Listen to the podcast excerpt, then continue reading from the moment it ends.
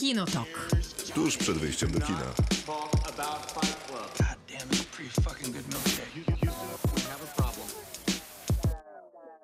Krzysztof Majewski. Miłosława Bożek. Maciej Stasierski? Ten program nazywa się Kinotok. Jest też podcastem, który pojawia się we wtorki. Kinotok oczywiście od 22 do północy w poniedziałki na antenie Ramu, a podcast wszędzie tam, gdzie słuchacie podcastów. W piątki, jak zawsze, wrzucamy w robocie na naszego Facebooka Kinotok Podcast. Tam pytamy o jakieś filmowo-serialowe rzeczy.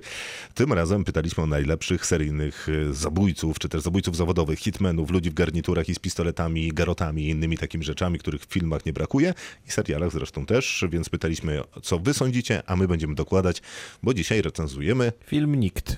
w którym jest taki właśnie, Tak właśnie. człowiek, Mhm. taka postać. Więc o Nikcie sobie porozmawiamy na początek programu, e, a później wybieramy się do jutra.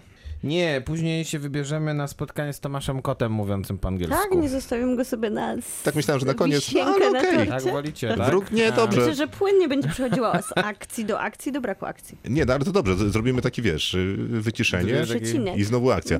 Więc wróg, więc wróg doskonały na drugim miejscu. E, Faktycznie Tomasz Kot e, w debiucie anglojęzycznym, a będziemy zamykać e, filmem, który nazywa się Wojna Jutra, Tomorrow War, e, który pojawił się na Prime Video, kiedyś miał być w kinach, ale no nie dał rady. Duży film, blockbuster byśmy powiedzieli, ale musimy oglądać na małych ekranach. Bardzo serdecznie zapraszamy. Za moment w robocie, później recenzja. Kinotok. Film. A teraz porozmawiamy o w robocie, czyli o najciekawszych. To w ogóle jest ciekawe, jak to o tym mówić. Czy to najciekawsze, czy najlepszy morderca, czy No ale mordercy. hitman albo asasyn. Łatwiej, bo morderca to tak się robi Nie, bo to chodzi- Tak, tak, bo morderca to seryjny. mógłby być na przykład, nie wiem, Hannibal, Hannibal Lecter. Lecter, tak? no. A to nie o to chodziło. Nie, chodzi o cyngla, czyli o takiego zawodowego. Tak, ja upieram się, że jest jakaś polska nazwa na zawodowego zabójcę, no takiego No, kontraktowego. Tak, tak myślę, myślę, że tak jak powiedziałeś właśnie. No, więc y, na profesjonalistę, a nie jakiegoś No tak, przypadkowego złoczyńcę. Billy Bob Thornton Fargo pisze Pokazał Marek. mi, pokazał mi translator. Wynajęty morderca.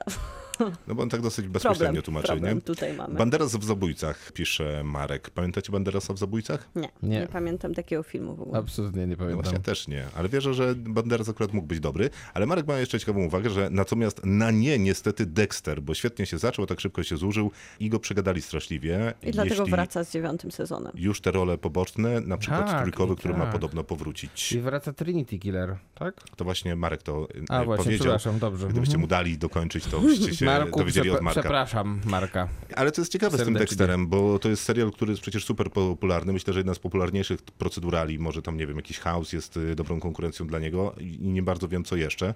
Dextera też kompletnie nie byłem w stanie strawić więcej niż pięć odcinków, bo on już po pięciu odcinkach się zużywał. Ja pierwszy obejrzałem.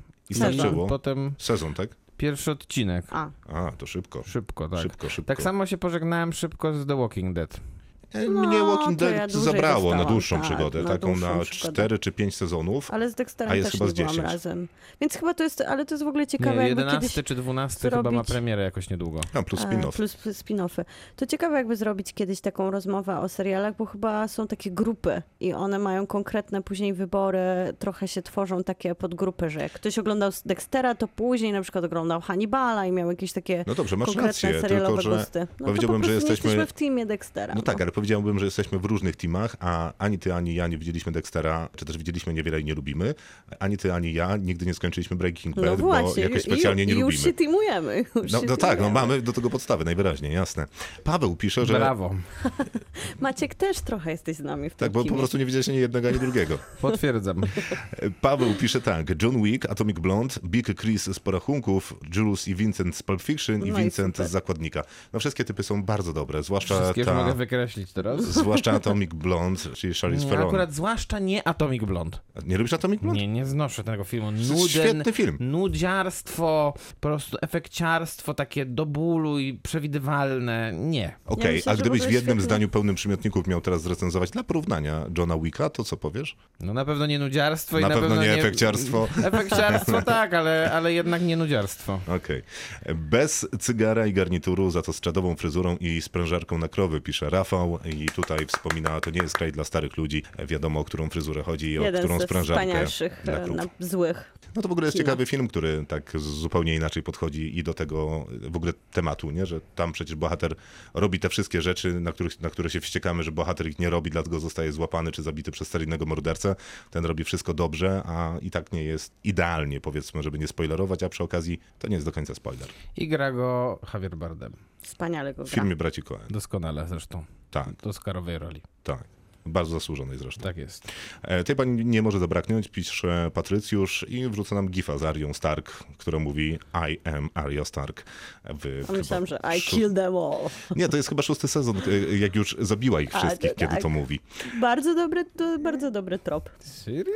Ona, tak? No jak, no przecież ona przez trzy sezony się szkoliła na Wszystkich, najlepszą zabójczynię bez twarzy i w tak, ogóle. dokładnie. Wdarła się do tego magia i na pewno świetne umiejętności. Do czego? I jej, no, do jej planu na zabicie wszystkich wdarła się magia, bo to A jednak magia, były, tak. magia, tak. I, I jej bardzo cienki i krótki miecz. A nawet nie miecz, szabla. O nie, to jest chyba jakiś rapier. No i proszę bardzo. Specjaliści Dobra, dobra, od broni. E, o broni białej też kiedyś porozmawiamy. Needle, needle. Igł, e, igła, Igła. tak? To brzmi jak igła. Tak, tak, tak nazywała Nie mylić z swoją. żądłem, bo to inny film. Nie, A żądło to inaczej się, na- to inaczej było po angielsku. nie było jakiś Sting? Jest Sting właśnie było. No, no to I lekcja języków obcych. E, Teraz mam ciekawy głos, ponieważ e, pisze do nas krkw. To jest, to jest os- osoba, którą znamy na Okej. Facebooku jako krkw i mówi, że kryptonim Nina. A, Nie, a co to jest za film? Co nie to wiem, jest? nie mam pojęcia. A nie sprawdziliśmy? No akurat tego nie no to sprawdziłem. zróbmy le- Dlatego nie wiem, czemu czytam ten głos, bo z reguły sprawdzam. Słusznie, bo to jednak jest ważne, żeby sprawdzić. A czekajcie, no bo to wychodzi na to, że to jest Nikita. To- Nie, to nie jest. To jest Nie, na nie, ale podstawie na podstawie, Nikity, nie, nie? Tak. Jest to film z e, 1993 roku w reżyserii, Johna Bedama. tak, z Okej. Bridget Fondą w roli głównej. Hans Zimmer zrobił muzykę. O tak, to słyszałem, to widziałem, to jest plakat identyczny jak Nikita. Nie, to jest to sama historia, co Nikita. A, tylko po prostu że inna. tylko po angielsku, Tylko bo oryginalne reżysera, było tak. Lika Bessona Dokładnie. po francusku. Dzięki. KRKW zrobiłeś nam duże zamieszanie. E, Agnieszka, moje pierwsze skojarzenie to oczywiście najsłynniejszy duet płatnych zabójców, czy Vincent, czyli Vincent i Jules z Pulp Fiction. Idąc tym tropem nie można pominąć Panny Młodej z Kill gdzie zresztą płatnych zabójców mamy całą grupę, no i oczywiście największy, badass i mściciel szczeniaczków, John Wick. Bardzo ładny głos. Brawo. Bardzo. Skoro na zdjęciu jest Leon, to warto wspomnieć o jego pierwowzorze, czyli czyścicielu z Nikity Bessona, e, a także o samej Nikicie.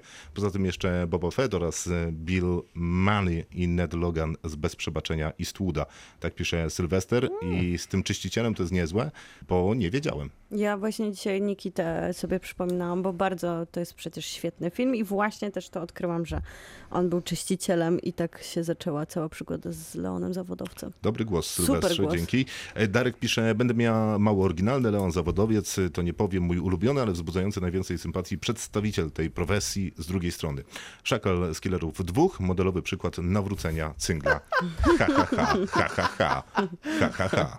Tyle mamy głosów od to, to, To są było bardzo głosy. dobre, bardzo dobre. Bardzo dobre, tak, tak. Ale warto też powiedzieć, że tutaj parę razy padało chyba Pulp Fiction, tak? Więc Tak. Samuel L. Jackson w końcu odbierze Oscara, bo został wybrany do, przez Radę Gubernatorów do Oscara honorowego za całokształt swu- swoich osiągnięć. Myślę, że w końcu ta nagroda wspaniała, znaczy wspaniała nagroda, nagroda za To wspaniałą nawet- karierę mu się należała. To nawet nie jest nagroda pocieszenia. To prawda, niestety, ale też Samuel L. Jackson przeszedł do historii Akademii Filmowej jako jedyny nominowany, który jak przegrał, to było widać na tym, e, w, tym, w tym kwadraciku, w którym była jego głowa, że przeklina.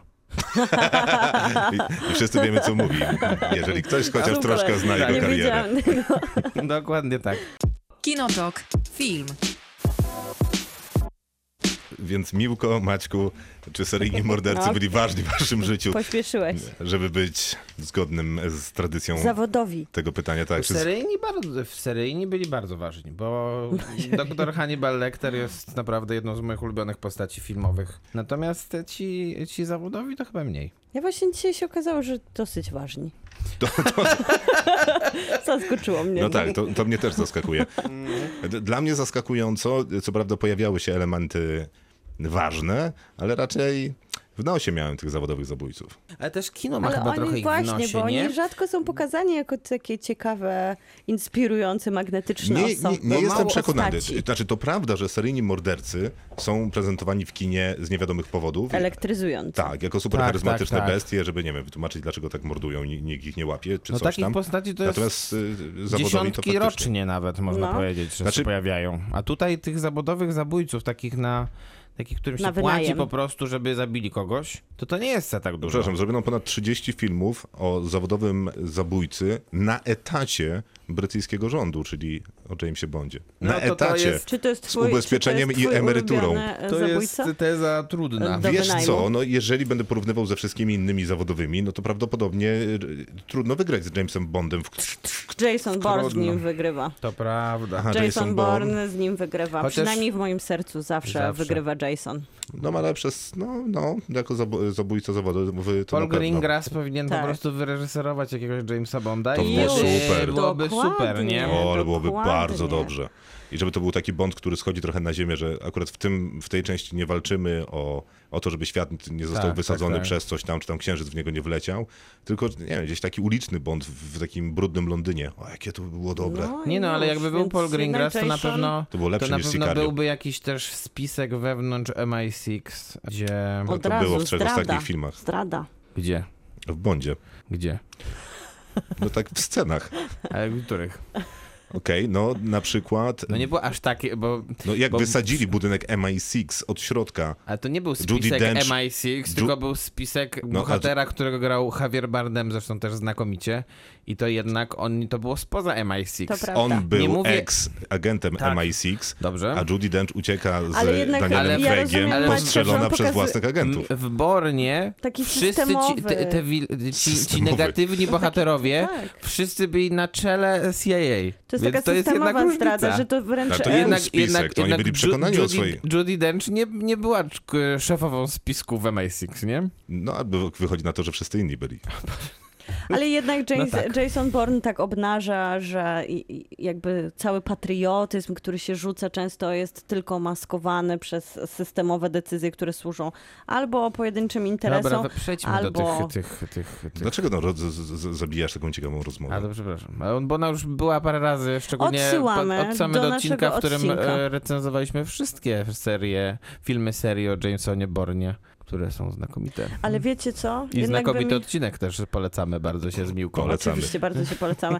Ale jednak by mi było żal tego Matta Damona, bo pewnie nie zagrałby w nowym Bondzie, który byłby przekuty przez No nie zagrałby na... po pierwsze dlatego, że jest Amerykaninem, Hmm. więc to jest jakby pierwszy problem. Dobrze wam idzie kończenie. E, To Krzysztof, zacznij ty dzisiaj nietypowo. Dobrze. y, Dobrze.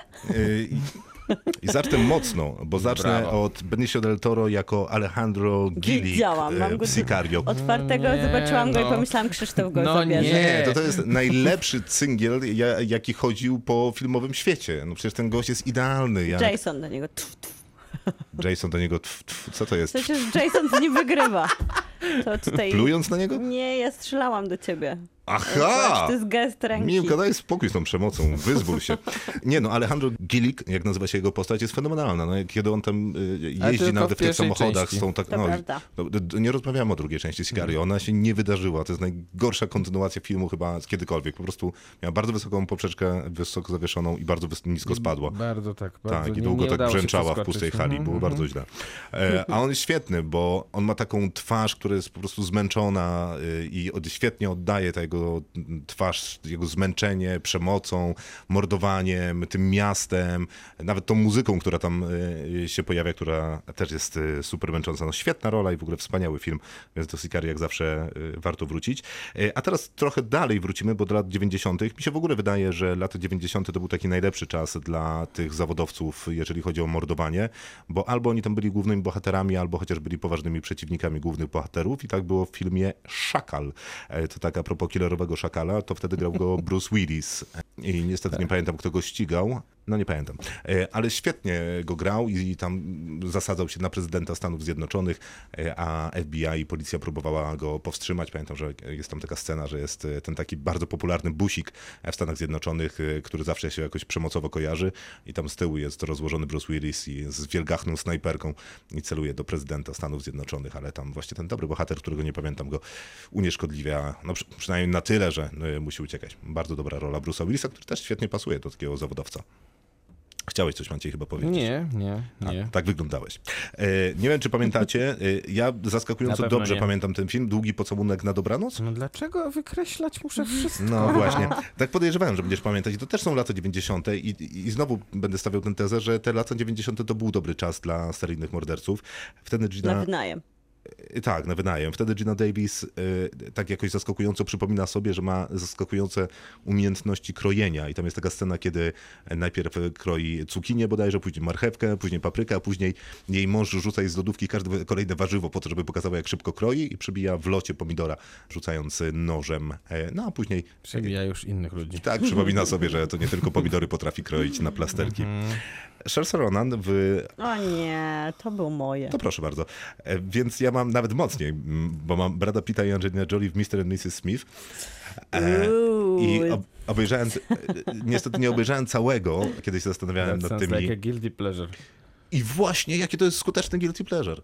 Ten, y, niestety finał tego filmu jest fatalny, ale ten początek, kiedy Brad Pitt z Angeliną Jolie demolują swój dom głównie sobą, e, robiąc sobie różne świństwa, to mnie cieszyło y, bardzo. Trochę jak takie właśnie, jak się nazywał ten film o tym skłóconym małżeństwie, przypomnijcie? Który? No tam, gdzie zrobiłam pasztet z twojego kota? Jak- Jakieś jeszcze podpowiedź? Ci- Cisza w radiu to jest najlepszy motyw. Yy, c- Długoletnie małżeństwo nie mogą się rozwieść i zaczynają y, robić sobie różnego rodzaju takie ekstremalne świństwa. Dustin Hoffman. Dustin Hoffman, no, no, no, no, no, właśnie ten film. To, Jak to się Dustin nazywa? Hoffman tam Dustin gra i kto Hoffman. jeszcze? Taka Nie pamiętam, kto- gwiazda wtedy, blondynka. A wiem, Wojna Państwa Rose. Dziękuję bardzo. Jak ona się nazywa? Kathleen Turner. Dokładnie. Dokładnie. E, więc y, ten fragment y, Mr. and Mrs. Smith trochę mi przypominał tę ich wojnę. Oczywiście taką podkręconą do blockbusterowego kina, bo oni głównie strzelają shotgunem do siebie w kuchni. E, To jest taki film, który się jakby trochę obrósł e, historią, bardziej niż samym filmem, bo jednak to jest ten, to jest to, to jest ten czas, w którym Angelina Jolie i Brad Pitt poznawali się również prywatnie Ale ten- i ja- rzucali ja się wiem. na siebie I to jest prze- gdzie indziej niż tej zbudowanej kuchni tam, chociaż pewnie tam też się rzucali No na pewno. Siebie. I, To jest taki historyczny moment, no jest. I w ogóle nie rozumiem, skąd się wzięła jakby taka zła prasa tego filmu. bo on był wtedy mężem e, Jennifer Aniston i Aniston i wtedy cała Ameryka go znienawidziła i chyba film też został A, za to. Wydaje mi się, że to było takie właśnie, że Okej. Tak dostał Że- rykoszetem? troszkę tak, bo to było bardzo Mm. takie łamiące serce Ameryki. Wszyscy kochali jednak e, swoją Rachel i ona była taką a taką... on był taki, takim Bradem Pittem. No, on był Bradem Pittem, ale to znienawidzili Angelinę Jolie bardziej niż e, Brada A w Pitta. ten sposób? w ten sposób O, zadziałało. to nieuczciwie. tak. No dobra, w to każdym razie e, film jest świetny do obejrzenia, kiedy będziecie czytali Państwo pudelka. Świetnym Nie, nie ja bym przesadzał. też nie przesadzała. Jest ja myślę, świetny że... do obejrzenia jednym okiem, kiedy jednocześnie będą czytali Państwo pudelka, żeby dowiedzieć się, co się tam wydarzyło. warzywa wielkim nożem. E, I na koniec Christian Bell jako John Preston w Equilibrium. Nie wiem, czy to można w sumie zaliczyć jako profesjonalista, bo on tam sobie jest urzędnikiem, który no, Chyba załatwia można. takie dystopijne sprawy. No nie wiem, wydaje mi się, że to trochę naciągane. Tam a- też piesek jest. Jest, On tak. bo- zaczął chyba w ogóle wszystko przed Johnem Wickiem, całą słodziactwo Tylko, tam w drugą stronę działa, że bo w Equilibrium nie można było jakby mieć, okazywać emocji, a on właśnie przygarnia tego pieska, czyli okazuje mu emocje. No, No i bo później... nie bierze tej tabletki czy czegoś tam, tam się No długo tych- tabletkę, długo tych nie? tabletek. nie tak, bierze. odrzuca je. Tak, tak, tak. Odrzut ma. No taka. Fahrenheitowa historia, przynajmniej świat taki, a, a historia troszkę inna, niezłe. To ja tyle. Wydaje mi się, że trochę jednak było tych seryjnych, nie seryjnych, tylko licencjonowanych. Ciekawe, że jak Miłka powie wszystkie swoje, to Ja ja, już nie będę miał o czym gadać. Ja mam na pewno takie, których ty nie masz. Nie, to Maciej, to weź powiedz, y, No a właśnie. Miłka powie zaraz. Dobrze, to ja powiem. To tak, najpierw zacznijmy od najstarszych. Myślę, że to jest też kontrowersyjne, ale uważam, że warto jednak zakwalifikować. T800 z Terminatora i T1000 też z, Super. z Terminatora Dzień Próby. No trzeba by sprawdzić Ale regulamin, ale powiedzmy, że zaliczamy. Dziękuję. T-1000 oczywiście e, ciekło-krystaliczny, więc Tak, oczywiście gra, grany przez Roberta Patricka. koncertowo Mm, zresztą. Tak, zresztą. Ym, Przechodzącego chyba jako pierwszy, pierwsza maszyna przez karate. Przepły- nie, on przepłynął On nawet przepłynął, żabką. Tak, to prawda. a właściwie chyba głównie jednak Colin Farrell z O, filmu In Bruges, czyli filmu, który po polsku się nazywa. Najpierw strzelaj, potem zwiedzaj. Tak, e, to padło w naszych odpowiedziach, e, przegapiłem ten komentarz. No to dobrze, bo ja, bo, bo ja nie Maciek nie przegapiłem. skreśla. Słusznie. Nie muszę skreślać, bo nie przeczytałeś. Jeszcze mam Lupera, film O, e, to ja z skreślam. Josephem Gordon-Levitem i też między innymi z Bruce'em Willisem. Oni też grają takich zabójców, którzy po prostu przenoszą się w czasie, żeby strzelić. Oni mają prostą robotę, Tak. która jednak może się skomplikować. I się komplikuje, bo spotykają na swojej drodze Emily Blunt. A jak jest Emily Blunt, to film jest po prostu dobry, więc... To, no dokładnie. I jest ona też załatwione. jest znakomita w tym filmie. I to jest też jedna z jego lepszych ról, e, Josepha Gordona-Levita. Tak, tak, tak. No Joseph Gordon-Levitt teraz chyba jest troszeczkę na takiej fali opadającej. Myślę, że Wróci do nas. myślę, że jakoś wróci. Będzie może. nowy Christopher Nolan, będzie... Jest też taki film, jest też bohater, mam tutaj bohatera z, z serii o Jasonie Bournie, bo w sumie tam e, tych zabójców po drugiej stronie jakby Kliwałem. ciężko, ciężko do końca wyczytać łatwo, natomiast jeden, jeden bohater, który występuje w drugiej części, czyli to jest tożsamość Borna, tak? Dobrze pamiętam? Czy Nie, to jest pierwsza. to supremacja Borna. Mhm. To jest bohater Kirył i Mhm. gra go aktor, e, australijski aktor Karl Urban. Tak. I robisz to Jest to- dlatego, że kochasz The Boys. I jest to doskonale. Dokładnie, dziękuję. Dziękuję. No czekaj, a, no ale w Ultimatum jest Vincent Cassel jako przeciwnik, też bardzo dobry. Też prawda, i jest no Cliff widzisz. Owen jeszcze Ale, na są, pół, ale oni więc- generalnie nie są ważnymi, jakby nie są takimi postaciami, które, które się wybijają tak bardzo mocno na, naprzód, dlatego właśnie, że, że ci bohaterowie wewnątrz CIA są ważniejsi, bo oni kierują tymi operacjami. Ja wiem, ale mi się dosyć podobała ten, y, ten taki bardzo krótko zarysowany wątek Vincenta Cassela, który właśnie, kiedy dostaje tam na ten taki stary telefon, SMS-a o tym, co ma zrobić, y, no to widać, że ma jakąś taki wynajętą klitkę, w której nic nie ma, śpi na jakimś materacu i ma tylko taki plecak zawsze gotowy do drogi. A On jest jakimś tam agentem, który jest umiejscowiony w jakimś tam miejscu świata i w zasadzie tylko tyle ma mieć. Wydawało mi się, że to jest niezłe budowanie postaci w takich dokładnie, dosłownie trzech scenach. Ale on, w ogóle właśnie chyba to jest przewaga Borna, bo nawet jak jest ten Cliff Owen, którego tam wspominam cały czas, Jest. to jest taki części. krótki moment, że oni walczą ze sobą na takiej dłużej łące, to się dzieje dosyć szybko i później dochodzi do takiego momentu spotkania, kiedy Born patrzy na swojego przeciwnika i on przed śmiercią mówi, a pamięta, a boli cię też głowa i to jest taka krótka wymiana, kiedy łączy się taka więź między nimi, że oni jednak się sprowadzają do tego samego, że zostali wykorzystani i tak naprawdę są tylko narzędziami w trybiku i tam się niewiele dzieje, pada parę słów, a jakoś ta sytuacja nabiera takiego emocjonalnego wydźwięku, że czujemy, że to wszystko trochę, te, te wszystkie śmierci się wydarzyły bez sensu, a z drugiej strony oni wykonują tylko swoją pracę. I jeszcze mam jedną postać. Nie, bo się zwolnił. A, tak. To prawda. Jeszcze mam jedną postać, film mało znany. W sumie I zwolnili jego. nieszczególnie, myślę, udany sam film. Natomiast postać wydaje mi się ciekawa. Film się nazywa American, reżyser się nazywa Anton Corbin, a gra go doskonale i bardzo w taki subtelny sposób, co rzadko akurat się zdarza temu aktorowi George Clooney. Taki film, który, który będzie łatwo pewnie zdisować, ale myślę, że myślę, że warto go jednak zwrócić na niego uwagę. Bo jest nudny, ale jak go Nudny obejrzałem, dość, tak. obejrzałem go dwa razy i za drugim razem podobało mi się bardziej, e, a obejrzałem go dru- za drugim, drugi raz, dlatego że wydawało mi się, że przy pierwszym się bardzo nudziłem, ale coś w tym filmie było. I tam niewątpliwie, jest niewątpliwie jednak. jest, ja nie bardzo wiem co, być może Tylko faktycznie ten George Clooney. podejście do filmu.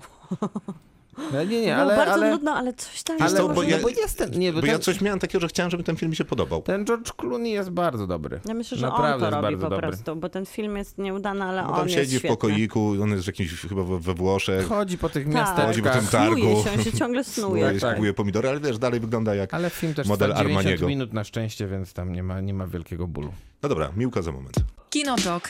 Film.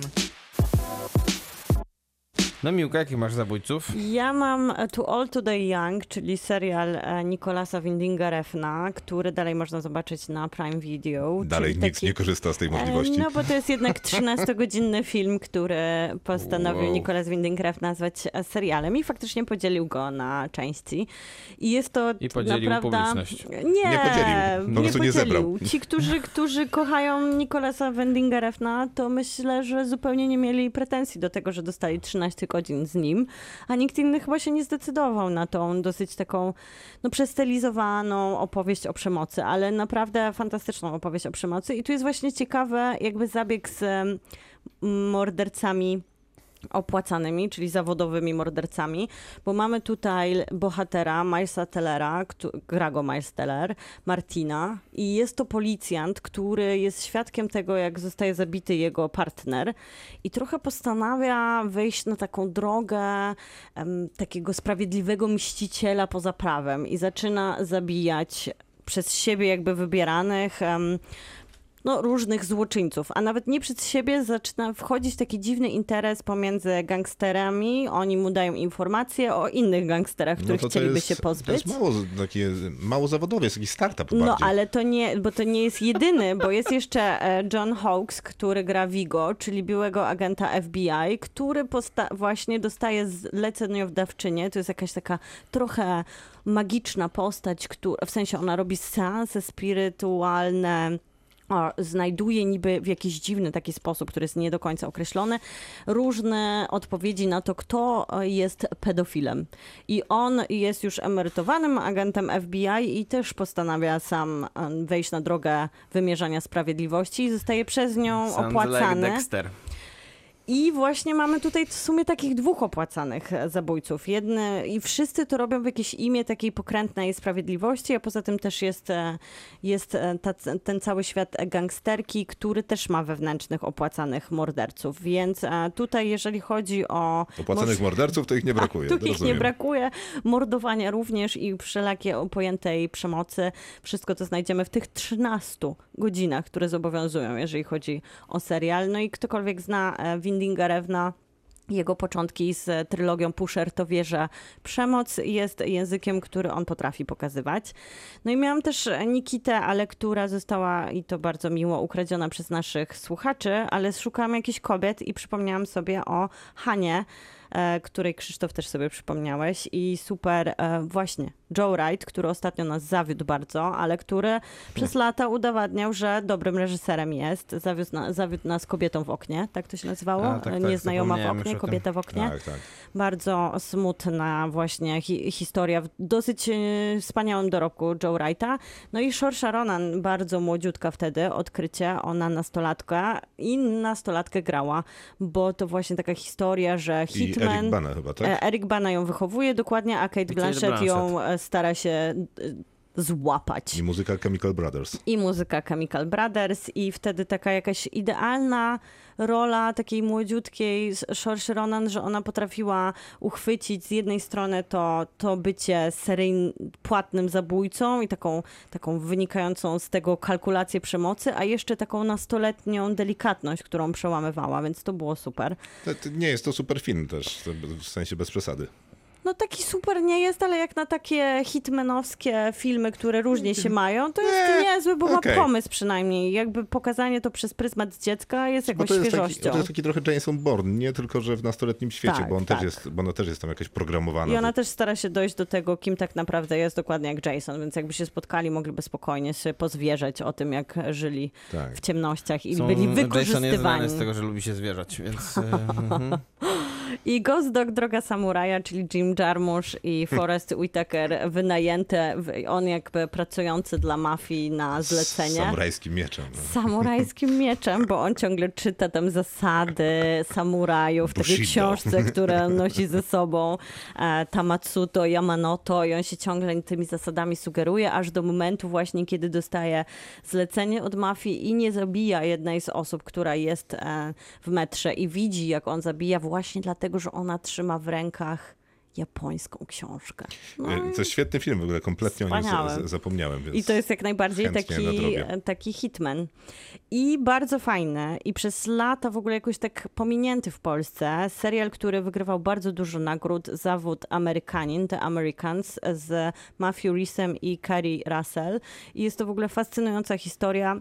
Bo faktycznie w Stanach. Zjednoczonych, tak, o szpiegach, były takie to się nazywało, Amerykanie swoją operację wykrycia tych szpiegów amerykańskich nazwali Operation Ghost Stories i faktycznie tacy nielegalni, to się Znaczy, nazywało to byli obywatele Ameryki, którzy jednak byli... The Illegals Pro- Program, ale tak, byli jednak dokładnie. Rosjaninami, którzy po prostu od lat tam mieszkali, to uśpieni ag- agenci. Dokładnie. I ta historia została opisana. W sumie ostatni skazani w 2010 byli wymienieni za, w sensie ci skazani Rosjanie, Rosjanie Jasne. złapani w Stanach Zjednoczonych zostali wymienieni za innych amerykańskich znowu przycho- p- p- Którzy robili to więźniów, w tak, Ameryce. dokładnie w Stanach Zjednoczonych. Znaczy, w.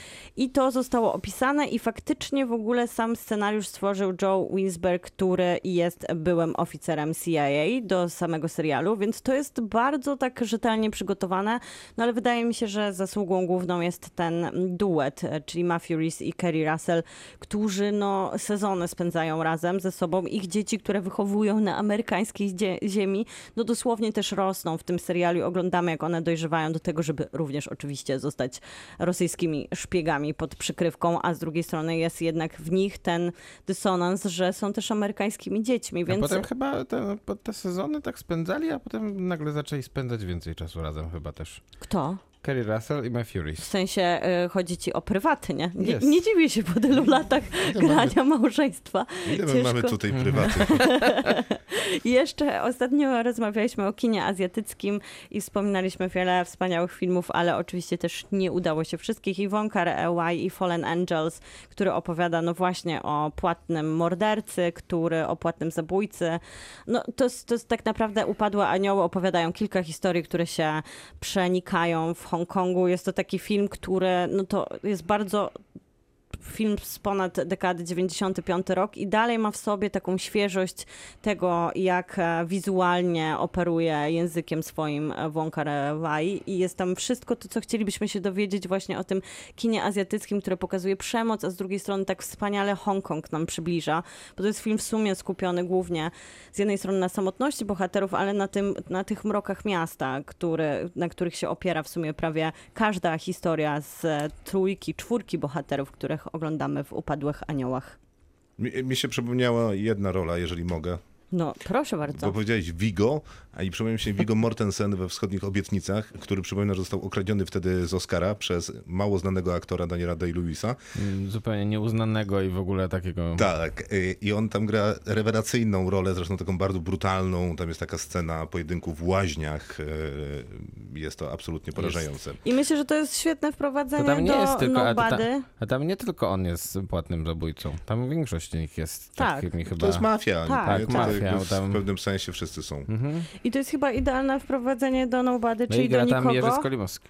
Tak, Y, Gra, przez to prawda, i pije wódkę. I Dokładnie. mówi z pięknym akcentem.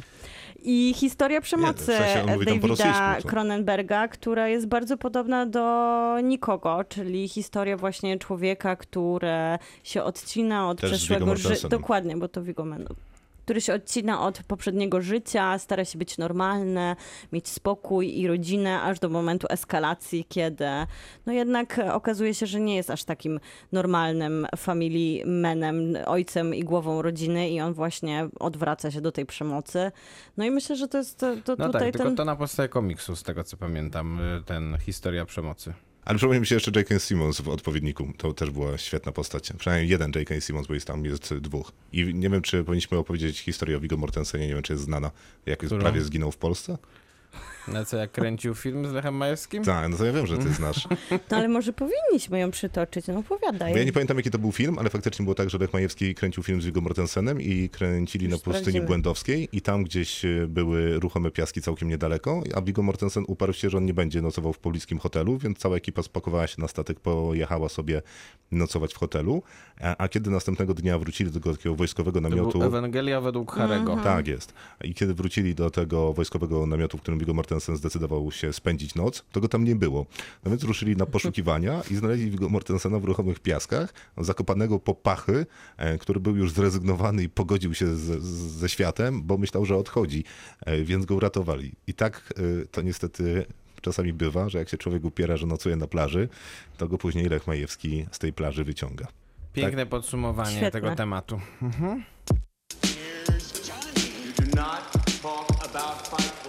Kinotok. Film.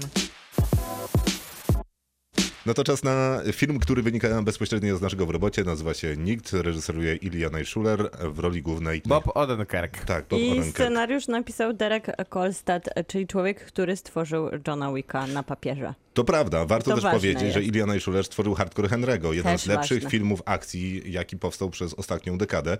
I pewnie kiedy rozmawialiśmy o filmach akcji, to o nim zapomnieliśmy, a to Pewnie jest tak. duża, duży błąd. Ale Michał bo- Hernes by nigdy nie zapomniał, na przykład mój kolega z bloga. On kiedyś Pozdrawiam. rozmawiał z Ilią Najszulerem Tak, o tak. Hardcore I Jest jednym, jest jednym z największych chyba w Polsce fanów tego filmu. No to ja jestem drugi w kolejce w takim wypadku. To jest film, który Ja opowiada. e, e, To jest dosyć prosta historia, że jest taki point of view, czyli widzimy z oczu głównego No, tak jak w bohatera. mye. Tak jak w grach, dokładnie. Widzimy jego dwa pistolety, noże i karabin i tylko tyle widzimy i on tłucze ludzi przez całe półtorej godziny. Jest to naprawdę kreatywne i fajne. Jeżeli ktoś oczywiście lubi kino akcji, bo tam wielu emocji nie generuje, chociaż finał może nawet trochę coś tam zahacza o te emocje.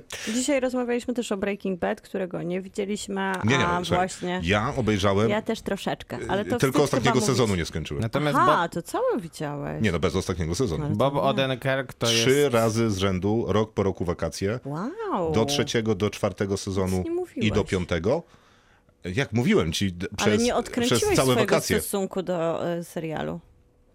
W sensie, Rozmawiamy, że nie o jestem seria... największym fanem? Nie. Okay. Rozmawiamy o serialu, który wypromował e, w pewnym sensie Boba Odenkirka. Spinie, spin-off jego, Bo powstał spin-off, który się nazywa Better Call Saul Dokładnie. i ten aktor gra główną rolę. tak. I nikt z nas nie widział tego serialu. I nikt z nas nie Wstyd. widział tego serialu, przyznaję się również ja. Natomiast Bob Odenkirk to jest aktor, którego generalnie ciężko kojarzyć z dobrym kinem, przynajmniej do pewnego momentu. A na pewno z kinem akcji ciężko go skojarzyć. To też, ale ja mam problem generalnie z nim, miałem z nim problem zawsze, bo on się pojawia często w jakichś rolach drugoplanowych. Tak. Na, Na przykład, przykład w Małych Kobietkach. na przykład, Co tak? mnie, no co mnie zszokowało.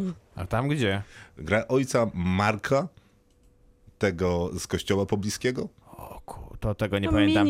Ale Ja bym go nawet nie poznał, No e, nie, kiedy nie, nie. oglądałem e, Małe Kobietki. Natomiast miał, jed, miał na przykład dosyć istotną, przynajmniej tak by się wydawało, rolę w filmie Stevena Spielberga The Post. W filmie fatalnym i rola też była Dziękuję. fatalna. bo Dziękuję, po że prostu nasze stanowisko na temat tego filmu jest stanowiskiem jest tego pod- podcastu. Jest podkreślane to stanowisko za, na każdym kroku możliwym. Ten. Natomiast tutaj jakby dostaje główną rolę w filmie akcji i nie jest to oczywisty wybór, wydaje mi się. Nie jest. Szybka opowieść. Całkiem inspirujący. Bob Odenkirk gra tak zwanego everymana, czyli gościa, który po prostu jest na doróbku, gdzieś żyje w, na przedmieściach amerykańskiego miasta. W suburbiach.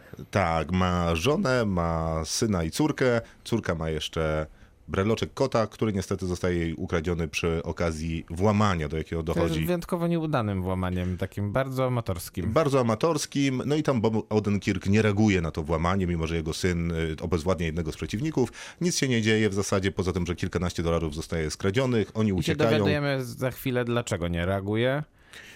Bo nie chce jakby rozbudzić w sobie dawnej, nie chce rozbudzić w sobie hist- swojej przeszłości. Mrocznej Tak, przeszłości. dokładnie. Tak, a przeszłość faktycznie mroczna, ale długo to nie trwa, kiedy jednak pozwala sobie na obudzenie mrocznej przeszłości. Dokładnie. Jesteśmy w 20 chyba minutowej scenie w autobusie, których tłucze jakiś e, sześciu facetów i w zasadzie użycie słowa Bogu Ducha winnych byłoby przesadą, no ale Nie za są. bardzo nie zasłużyli akurat w tej scenie. Aż tak bardzo może nie zasłużyli na taki, taki, na takie po- potłuczenie rzeczywiście. Ale nie jest to film, który nas ma bu- w nas budzić jakieś moralne refleksje. No, oj nie. Bo to nie jest ten typ filmu, bo brzmicie teraz jakbyście rozważali, Nie, czy, nie, nie, czy nie. To... ci zasłużyli, a czy Absolutnie tamten jest nie. Oni To wszyscy zupełnie- zasługują na ten los, który ich do To spotyka, zupełnie nie tak ma w tym generalnie. filmie znaczenia, bo to jest po prostu Są sami obrzydliwe typy, więc rozrywka. generalnie...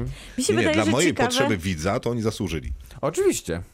Ciekawe jest to, że e, bo właśnie tutaj obgadywany Bob Odenkirk jako wybór na kino akcji, no to jest chyba jakieś pokłosie Liama Nelsona w uprowadzonej, czyli Nisona. tak zwa, Nisona, tak, tak zwanych e, daddy, e, którzy się nagle pojawili w kinie akcji, którzy przełamali jakby No, to co oglądaliśmy gdzieś na wysokości lat e, 80. i 90., czyli takich umięśnionych, wielkich mężczyzn, którzy załatwiali sprawy w imię czy to sprawiedliwości, czy to zemsty, czy to po Głównie prostu dla rodziny. akcji, ale jak wiemy, e, Vin Diesel nam e, to, to powtarza i Family. powtarzały to, nam też to wcześniejsze filmy dla e, właśnie rodziny, ale później właśnie pojawił się taki, taka uprowadzona, która pokazała, że jest jeszcze kazus takiego trochę norkormu, czyli normalny mężczyzna, z którym może się utożsamiać większość mężczyzn w wieku średnim. Dobra, on jest dobrze zbudowany, ale to nie, Nie, nie jest jest. człowiek chodzi, Nie, chodzący jest takim, na... Nie jest. Jest takim No typowym człowiekiem, który, na którego byś nie spojrzała, jakby szedł ulicą. I to też pokazuje chociażby ta 20-minutowa scena w tym autobusie, ja mówię o że on też e, dostaje Nisonie. solidnie Ja mówię tam. o Liam... Tak, tylko, tylko ma jakąś taką y, niezmordowaną energię w to sobie. prawda, to prawda. Większą Jest niż... zdesperowany po prostu, żeby komuś dać w mordę i robi to Nie, no ale robi to skutecznie. Jest jednak sześciu. skutecznie. Tak, tak. I są No, więksi. A skutecznie. później już Bardzo, zaczyna bardzo. strzelać. I, jest, I wtedy to ci przeciwnicy mają jeszcze gorzej. Y, Ale co do takich ogólnych myśli, co do tego filmu, no to, to oczywiście tam Miłka masz rację z tym, że to są ci starsi panowie, którzy jednak mają mroczną przyszłość. Okazuje się, że są w stanie y, przejechać się po Pentagonie w jedną i w drugą stronę. No ale to, co jest y, najciekawsze w tym rodzaju filmów, zarówno Taken, jak i tym filmie, czyli Nikt i Hardcore Henrym i jeszcze chyba przede wszystkim Johnny Wicku, Atomic Blonde i jeszcze tam paru innych, to jest to, że z widza zdejmuje się odpowiedzialność za bohatera. W sensie ja bardziej się boję o Supermana, kiedy walczy z przeciwnikiem, że coś mu się stanie, niż o Boba Odenkirka, kiedy walczy z 50 Rosjanami z bronią maszynową naraz. W sensie Bob Odenkirk w tym filmie jest nieśmiertelny i to jako widz Wspaniałe. doskonale wiem. Więc w zasadzie on nie ma żadnego takiego stresowego y, oddziaływania na mnie. On działa trochę bardziej nawet niż y, jak Taken, to mnie kojarzyło się z tą serią filmów Red.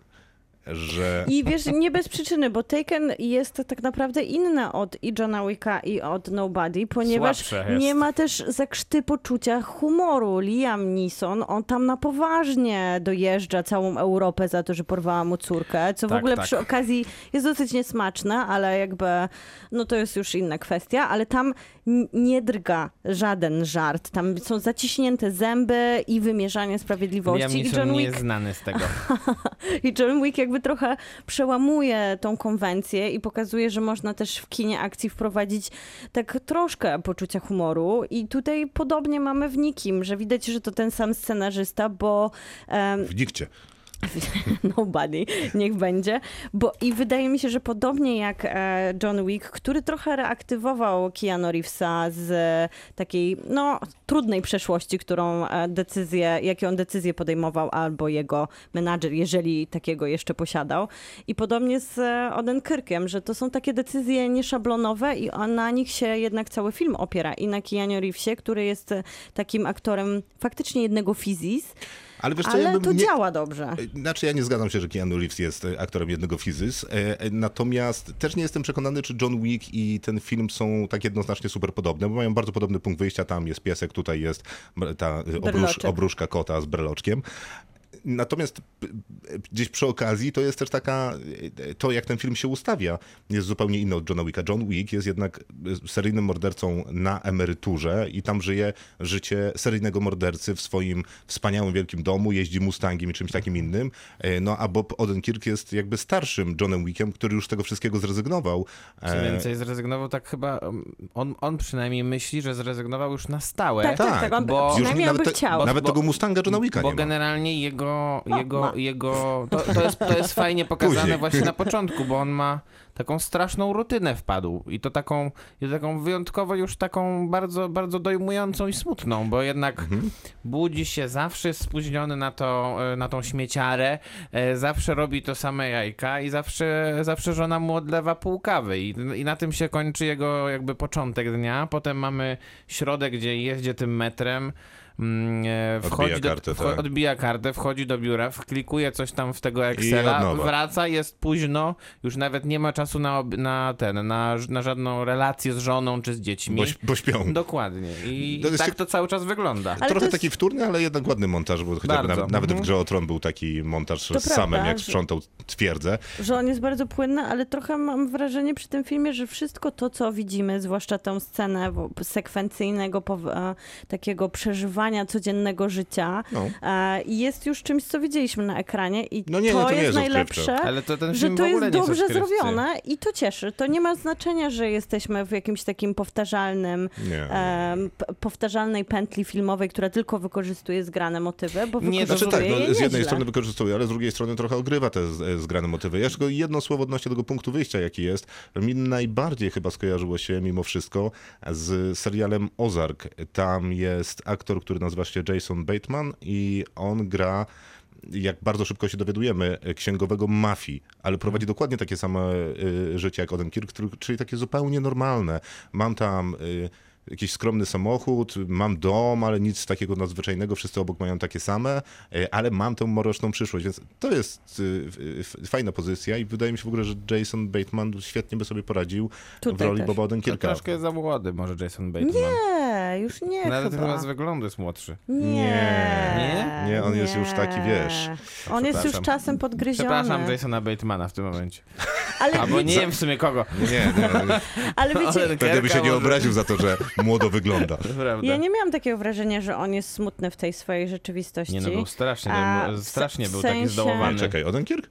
No, Tak. był do- Nie, no zdołowany ja. On nawet później całkowicie. mówi, że on był bardzo, bardzo szczęśliwy i ten moment przebudzenia mu był potrzebny, żeby w Nie, sensie no ale potrząsnąć. przecież jak rozmawia bo z on- żoną i mówi, Nie, że bo najpierw nie, zrobi lasagne, a potem ten, no Nie, nie, potem nie, nie, może by wróci do jakiejś relacji. Pomiłka No to- chyba mówi, że w przeszłości swojej nie był nieszczęśliwy, tak? Tak, w przeszłości A, swojej nie był no No to wiemy, no wiadomo, że nie był. Ale w ty- spotykamy w, ale w takim teraźniejszości jest kryzysie strasznie życia nieszczęśliwy. średniego. No tak, to prawda. Tak, i, i to widać e, idealnie na tej twarzy tego, tego Boba Odenkerka, który, e, który naprawdę jest rzeczywiście, ma taką twarz, która nie, nie, wyra, nie wyraża za dużo emocji, ale to jest idealne do tego filmu. E, Idealne, bo on mógłby być pastiżem, a dzięki temu, że Bob Odenkirk Ale- jest taki poważny, Ale on to jest trochę na, znaczy on jest na granicy e, w tych momentach takich, które są takie smaczki, powiedziałbym, wrzucane widzowi. Na przykład jak, no nie mogłem się przestać się uśmiechać, jak się pojawił kilka razy mm, Christopher Lloyd, czyli słynny profesor z, z Powrotu do przyszłości, Mm. grający tutaj ojca głównego bohatera. E, Zwłaszcza który- w finale jeszcze Zwłaszcza w finale jest wspaniały i wtedy też się pojawia w finale.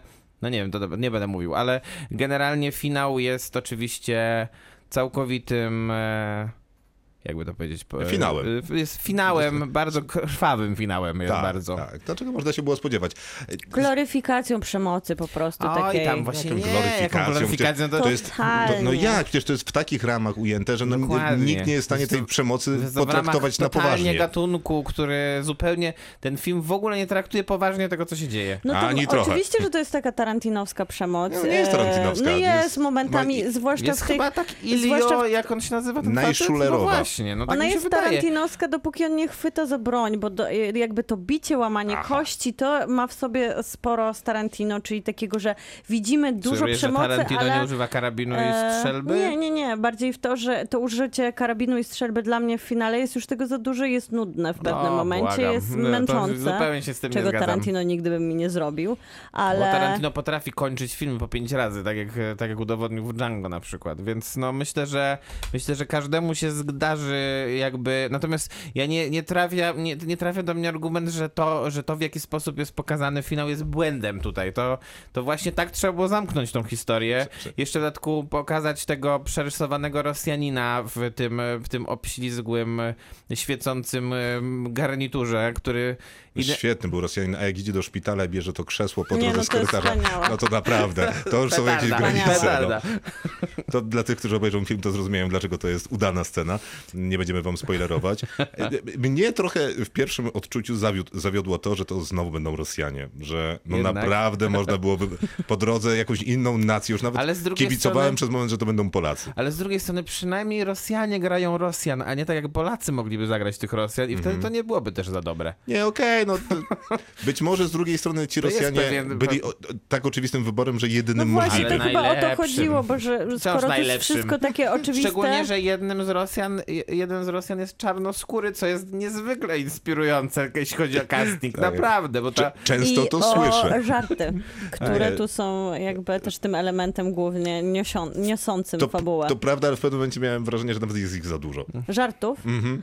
No, no Chyba dlatego, żeby ta przemoc była takim elementem prześmiewczym i to dzięki się, temu się niesie, bo im więcej masz tych Sa- żartów, Sama tym przemoc była bardziej... żartem. y, Trochę tu- tak. Tak, tak, tak, ale jednak Amerykanie chyba poważniej do tego pod, no, podchodzą, bo jak czytałam trochę recenzji, to jednak to jest świat, w którym jest ta broń, którą każdy z nas może mieć i oni w Przepraszam, tych... czy y, w takim wypadku będziemy mówili o ostatnim Gaju Ritchie, że to też była gloryfikacja przemocy? No na pewno była i dla Amerykan... Amerykanie też nie, po, nie, po, nie podeszli Ale do tego mniej lekko. ludzi zginęło. No i nie Prawda. było, tam, nie było tam na pewno poczucia humoru w Nie, Nie, nie, nie przeciwieństwie było ani Nobody. Natomiast tutaj było dużo. No dobra, będziemy oceniać. Ja mm, filmowi Nikt wystawię z dużą przyjemnością 9 na 10. I ja również wystaję 9 na 10, bo to jest jeden z najlepszych filmów roku w ogóle według mnie. To prawda. 7 na 10. Kinotok. Film. Czas na mm, międzynarodowy debiut y, Tomasza Kota. Film nazywa się Wróg Doskonały. Będzie mniej entuzjazmu. No, Ale może na fali popłyniemy tego entuzjazmu, który zostawił nie, po Na nas. nie, nie nie. spodziewam się. To prawda, reżyseruje Kiki Milo, a występuje, w zasadzie to jest film na dwójkę aktorów, na Tomasza Kota, który gra Jeremiasza Angusta i Atenę Strates, która gra Texel, Textor i jest Holenderką, co często powtarza, czy też Niderlandką. Film dzieje się głównie na lotnisku, e, a Tomasz Kot, jako ten Jeremiasz Angust, wciela się w postać architekta, który jest w Paryżu na ważnej konferencji, w Jest to której architekt tego lotniska też. Tak. E, tego późniejszego lotniska, na które pojedzie z tej ważnej konferencji, na której e, mówi mądre słowa, mówiąc o, O tym, czymś. o, I- o, perfekcji. I cytuję, i cytuję Małego Księcia. To nie jest chyba z Małego Księcia, ale to jest... Ale Antoine ze Sound Exupery to wydaje mi się, że tylko Mały Książę zawsze mi się tak kojarzy, ale no W nie każdym razie jego. No dokładnie. I w sumie to idealnie jest, bo jest film na podstawie, scenariusz został na podstawie stworzonej książki, która ma 100 stron, więc nie zbyt długiej książki, która właśnie się też odbywa w dwie godziny na bazie takiej rozmowy, która się dzieje, która jest przeniesiona jeden do jednego praktycznie na scenariusz i na to filmowe doświadczenie, bo my też tylko jesteśmy razem z tym bohaterem i bohaterką na lotnisku w takim długim dialogu, który nas zabiera w różne miejsca, w, retrospektywach, ale Tak, to ale- wynika z tej rozmowy, która Tak, tak, się tak, dzieje oczywiście. między nimi. Ale ciekawe jest to, skąd bierze się ta rozmowa. No bo Tomasz Kot mówi o tym, że myślał o architekturze, że ta najwspanialsza to tworzenie wielkich, wspaniałych budynków, ale to jest architektura dla najbogatszych, a on by chciał robić tę architekturę nie dla 1% najbogatszych, tylko dla wszystkich innych. Dlatego Przegapiłam takie mądrości. No to on mówili w tej, na tej konferencji na początku, dlatego e, budują szkoły w Afryce i właśnie wtedy mówi o tym, że wydaje się, że doskonałość osiąga się nie wtedy, Ale kiedy w jaki sposób to nie można już nic do dodać, jego ale raczej historii? wtedy, kiedy nie można nic ująć.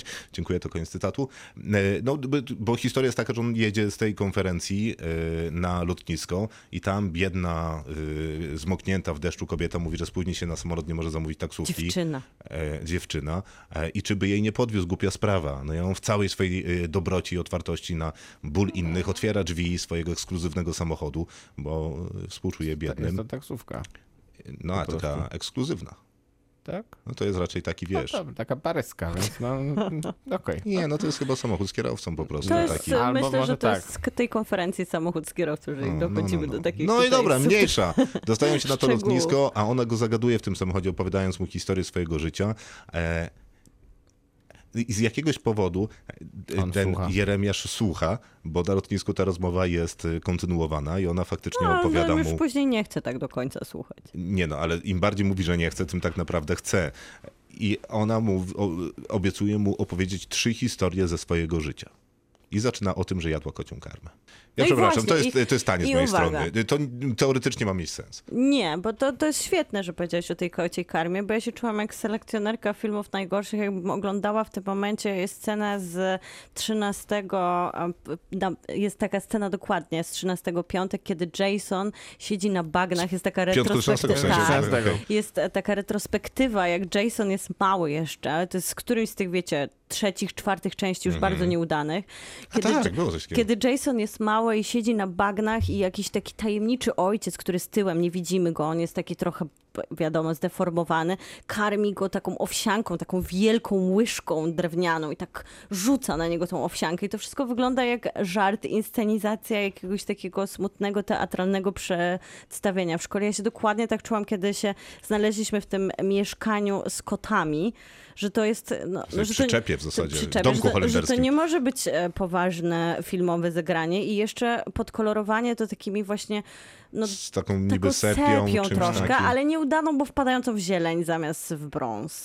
Ciekawe, y, znaczy nie ciekawe, natomiast wydaje mi się, że w tej powieści, czy opowiadaniu, noweli, czy jak tę książkę nazwać, to tam były ciekawe myśli, bo ona w pewnym momencie łapie Tomasza Kota w czasie opowiadania tej swojej historii na tym, że, bo widzimy wizualizację jego myśli, że kiedy ona mówi o swoim mieszkaniu, to on myśli o takich perelowskich Mhm. blokach, o wielkiej płycie.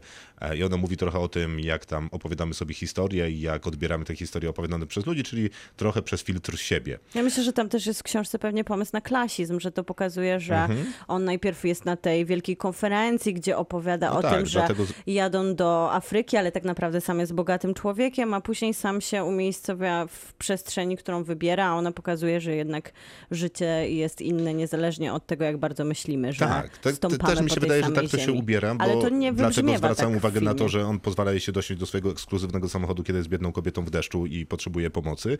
Y, Natomiast y, ten pomysł y, sypnął mi się już w momencie, w którym on jest jednak w tym pomieszczeniu VIP na lotnisku, tym VIP lounge, w którym się oczekuje na samolot.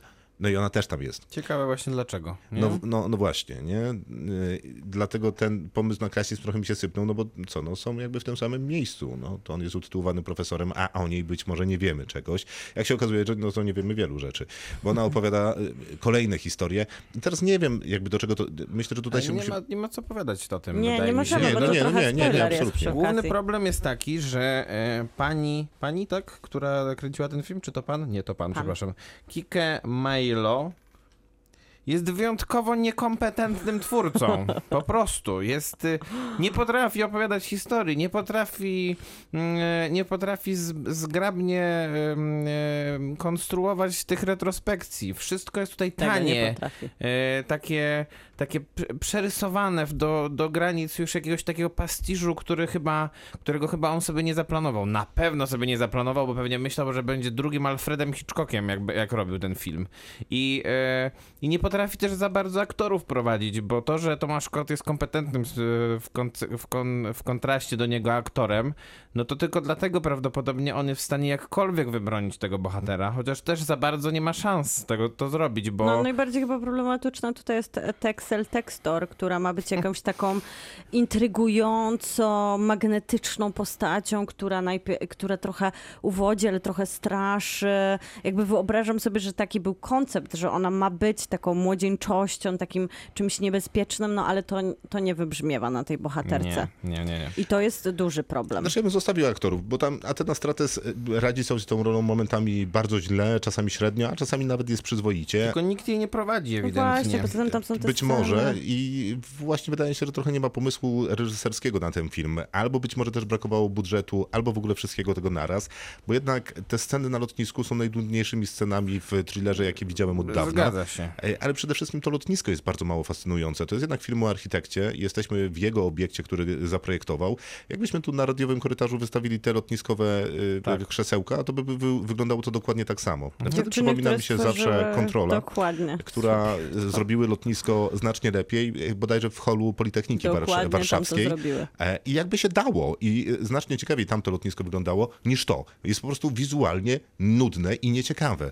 I jakby to, jak mało architektury i tych wątków jest tutaj w tym życiu Jeremiasza, poza może jego późniejszym mieszkaniem, które jest dosyć ciekawe, też jest jakby interesującym wyborem. No więc jesteśmy w nudnej przestrzeni z kolosalną ilością tekstu, którą muszą wyklepać do siebie aktorzy, którzy ewidentnie nie czują się najlepiej w tym drugim swoim języku, I czyli ze sobą też angielskim. chyba za bardzo nie. I ze sobą, bo chemii dokładnie między nimi jest... ma te- żadnej. No, chciałem powiedzieć, że tyle co kot napłakał, tak a propos tych, tej kociej karmy, no ale nie ma żadnej. No. No nie No ma, jeszcze- nie ma. I to jest, e, a to jeżeli jest film rozpisany na dialogi mm, i na dwójkę aktorów, którzy mówią bardziej obok siebie niż do siebie, no to wtedy nie ma co ratować za bardzo. A jeszcze pan reżyser postanowił, że dołoży do tego jakieś takie elementy, które postawi w cudzysłów i, a, lub też w nawias i dołoży do tego jakieś takie elementy, jakieś metafizyki, że nie, Nie. nie wiemy do końca, czy ta bohaterka istnieje, czy nie istnieje, te jej historie, czy one są prawdziwe, czy nieprawdziwe. To też są jakieś takie elementy, które teoretycznie by wynikały z gatunku thrillerowego,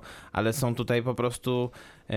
on się źle nimi posługuje. No, ale nie potrafi wielki- tego robić. Wielki problem jest taki, że tu jest jakaś zagadka, która się pojawia, ten Tylko nie właśnie interesuje thriller. cię ta zagadka. Ale ona jest przewidywalna, my zaraz praktycznie, po pierwsze, przy pierwszym otwarciu drzwi już mamy pewien koncept, później to, co się dzieje w następnych 10-15 minutach filmu raczej już nam ustala trochę tą Nie wiem, historię. ja mam problem z Ja nie przewidywaniem w zagadek. Nie była dla mnie przewidywalna. Byłem zaskoczony e, i to całkiem przyjemnie, bo to jest ciekawy y, pomysł, y, po raz któryś powtórzę w kontekście tego filmu. Natomiast Ale y, to emocjonalnie to... nie wybrzmiewa też za żaden dobrze. sposób. Mm, jakoś tam trochę wydaje mi się, że rezonuje. Bardziej mi się nie podoba to, w jaki sposób ten film doprowadza do tego momentu, czyli Mhm. zaczyna być onirycznym tonięciem w betonie, Tak. e, jakimiś To to jest tam... najgorsze. Ja jako, jako Alegoria- widz to, tonęłam razem z bohaterami. No właśnie, ale, ale alegoriami To jakimiś, w których zmieniają się y, kontrasty, wie, wiecie, kadry się rozmywają i wtedy wiemy, że A nie wiem, coś wszystko tam w marzymy. tej sepio-zieleni. Co, jest tam jakieś takie dziwne przeniesienie czasu i, i miejsca akcji, które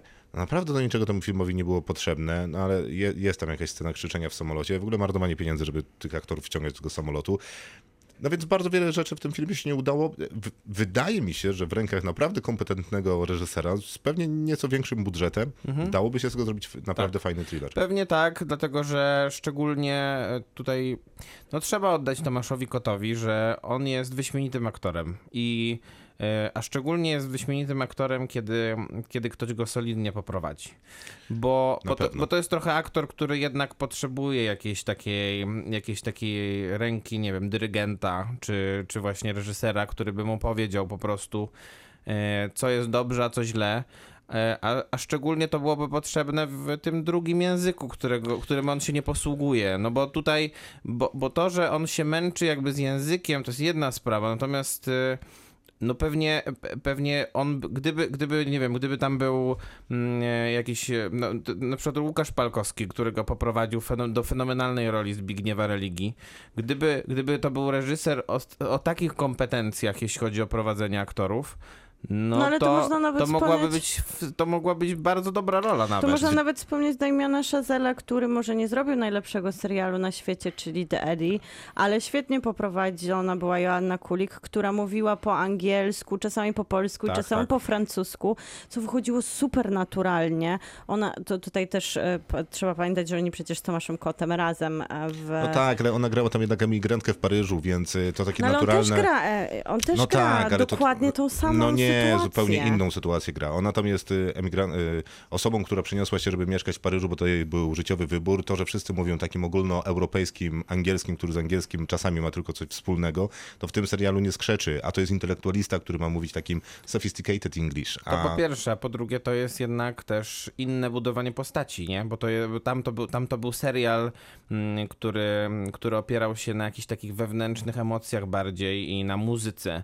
A tutaj mamy sytuację Twarzą film- w twarz na ciszy. filmu gatunkowego. To nadal wydaje mi się, że do, po- do propo- poprowadzenia. No nie, No, no do tak, poprowadzenia no, no, na no, pewno, oczywiście, że tak. do poprowadzenia. Zwłaszcza, że wydaje mi się, że Tomasz- wyznawać Pana ciek- po no. Zwłaszcza, że wydaje mi się, że Tomasz Kot strasznie tyra e, na tym planie. W sensie on to, Mhm. to z tą postacią robi bardzo No dużo. walczy, W walczy. gestach, twarzach, ujęciach, odwracaniem wzroku, y, zmianą pozycji ciała.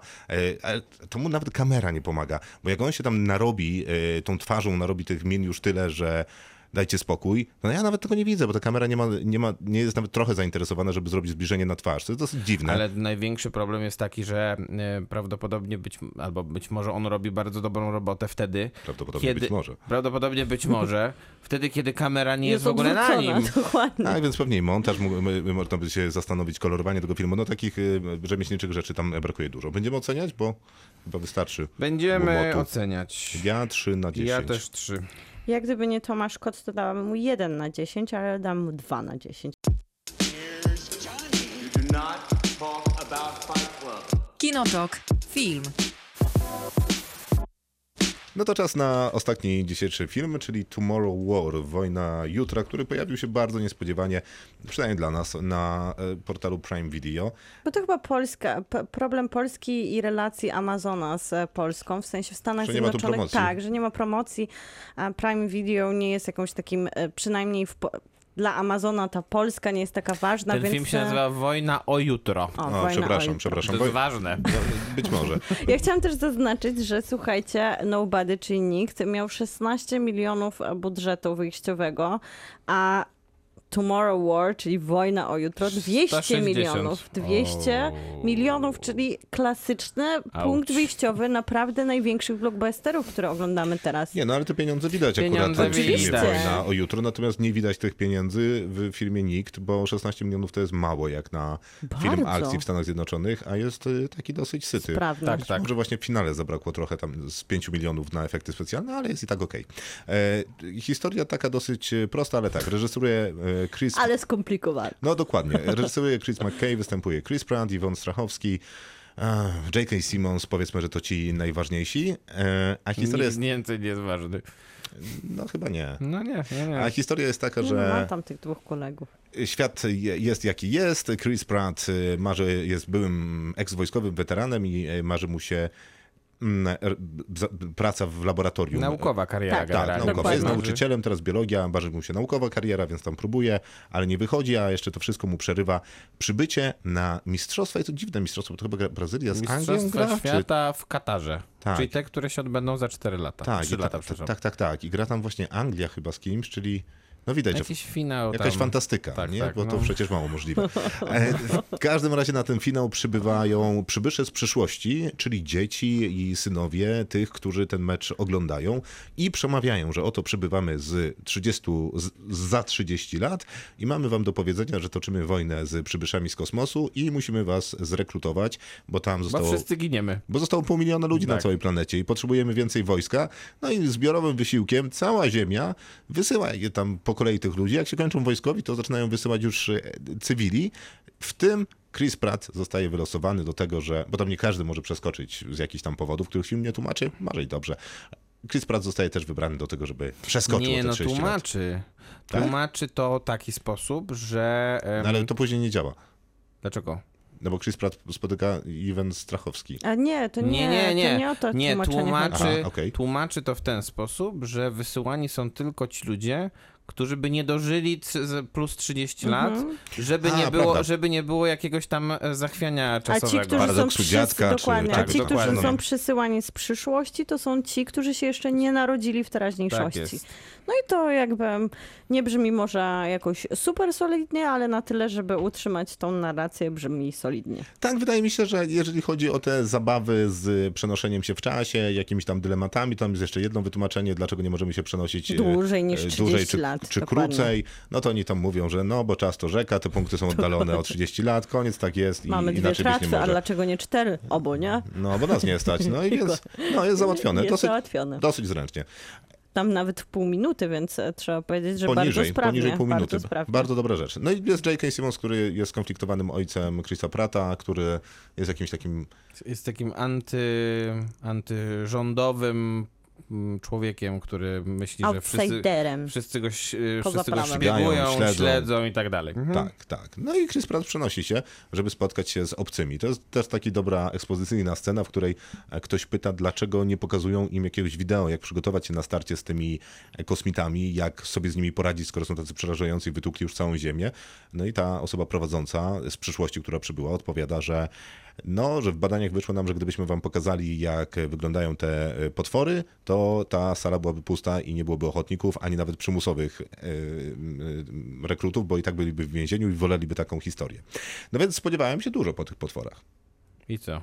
Nie są złe, bo to są To jest w takie... ogóle taki nowy Zgadzam trend, się.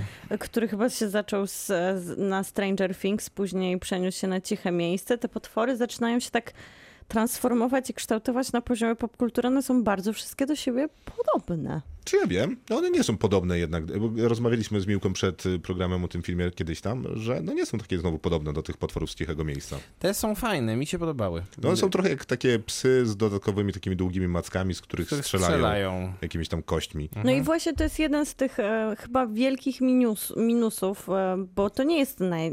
To będziemy zaraz e, o to oceniać, ale ten film powinien być oglądany na dużym ekranie, bo No tak. jeżeli jakieś No są totalnie. jego plusy, tak. to jest to widoczne widowisko. To jest ten blockbuster, z który za rozmachem 200 zrobione w tempie. milionów dolarów czujemy, że właśnie zostały przeznaczone no, na te, tego Chrisa Prata, załóżmy, jako jego 170 wynagrodzenie. milionów, tak? Tak, tak, I, 60 i cała jeszcze na zgarnął. CGI i A, ten świat, który został nam zbudowany, do którego się przenosimy i w ogóle też ta scena, która otwiera tą nową rzeczywistość 30 lat później, w której ci żołnierze jakoś randomowo są zrzucani na ten świat jest bardzo ciekawa i w sensie otwiera tak, takim niezłym, mocnym przytupem tą akcję Mhm. i myślę, że to tutaj nie powinniśmy szukać niczego więcej niż tych wizualnych doświadczeń, które no, trzeba Na powiedzieć, że dużo ludzi się zdecyduje na obejrzenie tego filmu na laptopie. I tutaj w, ten, w tym momencie ten film za bardzo nie ma się czym bronić. Znaczy wydaje mi się, że ma się czym y, bronić, no, bo jednak no, faktycznie lepiej by było z każdego możliwego powodu zobaczyć e, ten film na dużym ekranie, no bo to Tak. jest film za 200 milionów, a 200 milionów wydaje się na efekty z reguły, więc no sorry. Które są tutaj zrobione po prostu pod, y, pod klucz. Tak, i bardzo Mhm. solidne są te efekty, niepowtarzalne, ten Tak. finał, który jest jedną wielką sieczką, jest bardzo fajny, ma fajne miejsce, są ciekawe te sposoby strzelania, powiedzmy, jakoś Jest tak obrazowo. W tych białych kłach zombie tak atakują Nie, nie, to- tą główną, ten Coś zombie, finałowa... coś z Aliena, Tak, jest. No dlatego te potwory są rzeczywiście takimi w, miarę istotnymi bohaterami Są. jednak tym razem. I Nie? ciężko Bo je zdarza, zabić. że jednak nie są. Tak, i nie są taką masą, którą po prostu się mieli, chociaż jest jedna scena z e, śmigłowcem, który tam rozczłonkowuje je w locie, ale to wydaje mi się całkiem przyjemne. Y, Generalnie mnie ten film się podobał. To, Mnie jest, też. to jest film o takiej dosyć oldschoolowej duszy. Raczej się nie robi takich filmów już, bo to jest film, który nie jest częścią jakiejś większej większego świata. To nie jest y, ani komiksowa, jeżeli to jest komiksowa adaptacja, to sorry, ale nie jest częścią jakiejś większej y, komiksowej adaptacji. Nie miał trzech poprzedników, ośmiu innych y, tego rodzaju Nie będzie z historii. tego franczyzy też prawdopodobnie żadnej. Jak będzie, to okej, ale prawdopodobnie nie No, będzie. wyglo- no tak, znaczy jakby chyba nie jest zaplanowana, tak mi się wydaje. Więc taka pojedyncza historia, która nie wiem dlaczego, ale moim zdaniem ma w sobie trochę takiego ducha kina nowej przygody, bo takiego Indiana Jonesy e, tam jest. Może nie tematycznie, ale nastrojowo to i owszem, czyli akcja, akcja, opowiadamy dowcip.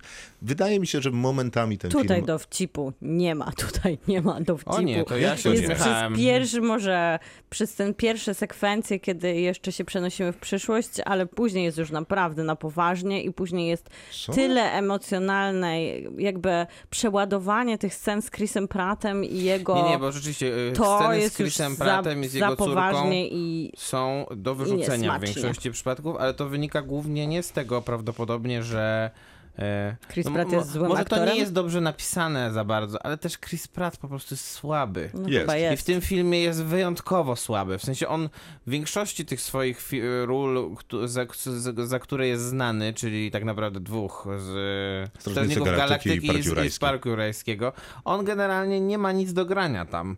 A tutaj nagle ktoś chyba mu powiedział, że będzie trzeba coś zagrać i nie wychodzi Nie, to dobrze. Bo, z że- niego bo, bo szczególnie, że, szczególnie, że mm, on nawet przegrywa, on te sceny wszystkie przegrywa, bo przegrywa i z tą swoją żoną nawet na początku, i z tą swoją córką, którą gra ta Iwon Strachowski przegrywa te sceny emocjonalnie, bo ona, bo, ona, bo ona go zjada w tych scenach aktorsko. A Iwan Strachowski jest w ogóle jakoś zaskakująco świetną aktorką. Dokładnie Bardzo mi się tak, podobała. Jako naprawdę, Taka no. heroina między Tak. Emily Blunt a Charlize Theron naprawdę super się Ale ona to udawa- od, No, w opowieściach podręcznej, chociaż jakby serial... Może to trochę jest No i format. Tak. No i oczywiście we wszystkich scenach, w których jest J.K. Simmons, no to po prostu jakby Chris Pratt nie ma go w ogóle. On jest tak mały, po prostu jest tak mały. Tak, ale Dlatego- wracając na moment do dowcipu, no to wydaje mi się, że J.K. Simmons jest jednak pomyślany tutaj jako comic Super. relief, samym swoim On- J.K. Simmonsizmem, Ja myślę, że on powinien dostać 60 milionów za ten film. e, ale jest też sam Richardson, który tutaj służy jako ten e, uśmiech w filmie. Wydaje mi się, że to działa całkiem nieźle. Faktycznie te sceny z córką, wydaje mi się, że są trochę niezręcznie napisane, ale to wynika z tego największego problemu, jaki mam z tym filmem, taki, że on momentami nie wie, w jakim tonie chce się opowiadać. Czy jest takim poważnym... No, no właśnie, że czy. No ale powiedzmy, że są dwa główne, czyli taki poważny horror, że te potwory Tak, są straszne, tak. mamy jakieś zagrożenie, jest y, walka, leje się krew, czy właśnie to takie kino nowe, nowej przygody, że no, jest radośnie, szukamy jakiegoś McGuffina, żeby rozwiązać y, problem y, i przy okazji dobrze się bawimy, coś tam walcząc, biegając, uciekając, ale z uśmiechem. No i jako, No że ja nie wie bardzo tego. wiem, gdzie, kiedy jest co, no to mam problem. W finale się odnajduję Natomiast y, i wydaje mi się, że finał irracjonalny jest jedną z lepszych części tego filmu, mimo wszystko. No dlatego ja uważam, że to Ten nie pierwszy jest... finał, to, przepraszam, może tak, bo on ma też to- taką dopisaną końcówkę. To nie jest udany film, ze względu na to, że główny bohater jest po prostu nieudany i Chris Pratt nie niesie tego filmu i to jest przykre go jednak oglądać, bo tak, pod, tak naprawdę to wszyscy lubią Chrisa Pratta po Strażnikach Galaktyki i to jest, to jest przykre, to co oglądamy, zwłaszcza z tym szantażem emocjonalnym, który otrzymujemy cały czas. Nie no, to przesada, I jest, to, i to jest jakieś takie dziwne, używasz. dziwne połączenie właśnie takich, takiej, takiego miszmaszu popkulturowego, że mamy trochę obcego, trochę Terminatora, ja tam widzę właśnie to ciche miejsce, wszystko tak zmiksowane i nie mogą się zdecydować twórcy na co stawiają, bo tak by chcieli trochę na wszystko, bo ściągnęli z każdej możliwej udanej produkcji, więc czasem jest żart, a czasem nagle po prostu bohaterka płacze na plaży,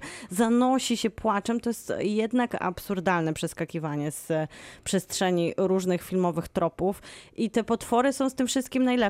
I gdybym je może jeszcze dostała na dużym ekranie, to bawiłabym się świetnie, no ale ja jednak zostaję na małym ekranie ze zbliżeniem na płaczącego Chrisa Prata i ja się nie mogę po prostu dobrze bawić.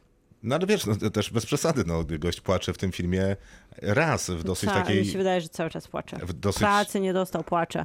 Zaciągnęli go do wojska, płacze. Nie, no, nie płakał przecież. No, ani To nie jest takie symboliczne po- Jak nie dostał pracy, to nie płakał, tylko włączył w mecz po prostu. Jak został powołany... Smutny tam siedział na tej kanapie, tak niepoważnie aktorsko smutny siedział. Jak został powołany, to smutny. bardziej, No to bardziej jego żona płakała wtedy. No, jego żona płakała, jak go przenosili, jak go rekrutowali, to z kolei się śmiał i rzucał dowcipami. Tak. E, ale to, no, Chris Pratt faktycznie jest tutaj dużym problemem. Jest, no, gra jest. trochę Star-Lorda momentami, y, co nie działa w tym filmie, bo to jest zupełnie inna rola. I nie ma tego, i nie ma scenariusza Jamesa Gana. I nie, nie tak. Nie? To jest też nie, niepomagające. Mhm. No nie wiem. Wydaje mi się, że z tym filmem generalnie większość rzeczy jest w porządku, jak na kategorię blockbustera. W sensie blockbustery mogą być bardzo złe, a ten się potyka, ale do, jednak tam doczłapuje do tego finału bez większych No bólów. bo y, y, Boli. de facto to jednak jest streamingowy blockbuster. I jak się go porówna z tymi 200 blockbusterami, tak które, streamie. które wypuścił Netflix, no to tutaj nie ma w ogóle żadnego startu. Ten, te filmy Netflixa po prostu nie mają żadnego startu. No. Pozostawiając Old Guard, którego, który nie można traktować z kolei jako film Netflixa do no końca, tak, ale nie? 200 milionów to jest już taki budżet Marvelowy, to daleko do Netflixa. No ale to przepraszam, no. Netflix przecież wydaje, Gdyby wyda, nie- Netflix nie da pandemia, 200 to- milionów na Irlandczyka, no to nie jest, to nie jest, to nie jest platforma streamingowa, która nie wydaje pieniędzy na filmy. No ale Irlandczyk ma jednak inny status niż Oldgard. Ile Oldgard kosztowało? Pewnie z 50 milionów. No nie wiadomo, bo oni nie ujawniają też Poza wszystkich tym, budżetów swoich poza filmów. tym Amazon miał w planie go wypuszczać w kinach, tylko po prostu pandemia go odstraszyła. d- o co jest ta dyskusja teraz? O to, że film był drogi? Nie, że to, ja uważam, że to jest taki jak najbardziej niestreamowy blockbuster. To jest e, No lepiej było to na pełną... z popcornem obejrzeć, tak, no na wiadomo. peł- Pod kino. Nawet miałem zrobić Film. popcorn, ale wyobraźcie sobie, że nie da się kupić teraz tak łatwo y, kukurydzy takiej, wiecie, w stanie czystym, nasiona. Do, w sensie do garnka wrzucić później, tak? Cztery sklepy objechałem. I co? Nie ma. Były tylko takie do, do mikrofalówki? Tak, tak, to takie gotowe. Takie są rozczarowujące. No kompletnie. I nic ci się nie spali, cały dom nie śmierdzi popcornem, nie musisz go całego wyrzucić do Dokładnie, nie śmieci, musisz potem potem jak spróbujesz spalonego. I nie musisz wyrzucić też garnka. Tak, Więc tak. No, zupełnie zero sensu. zupełnie. No dobrze, będziemy oceniać. Film się nazywa Wojna o jutro. Przepraszam za mój wcześniejszy błąd. Ktoś chce zacząć, czy mam Ja zaczynać? daję 6 na 10. Ja mu dam 7 na 10. Ja mu dam 3 na 10. A On, tak? Tak się nie To jest polubiliście? Okrop, okropny film.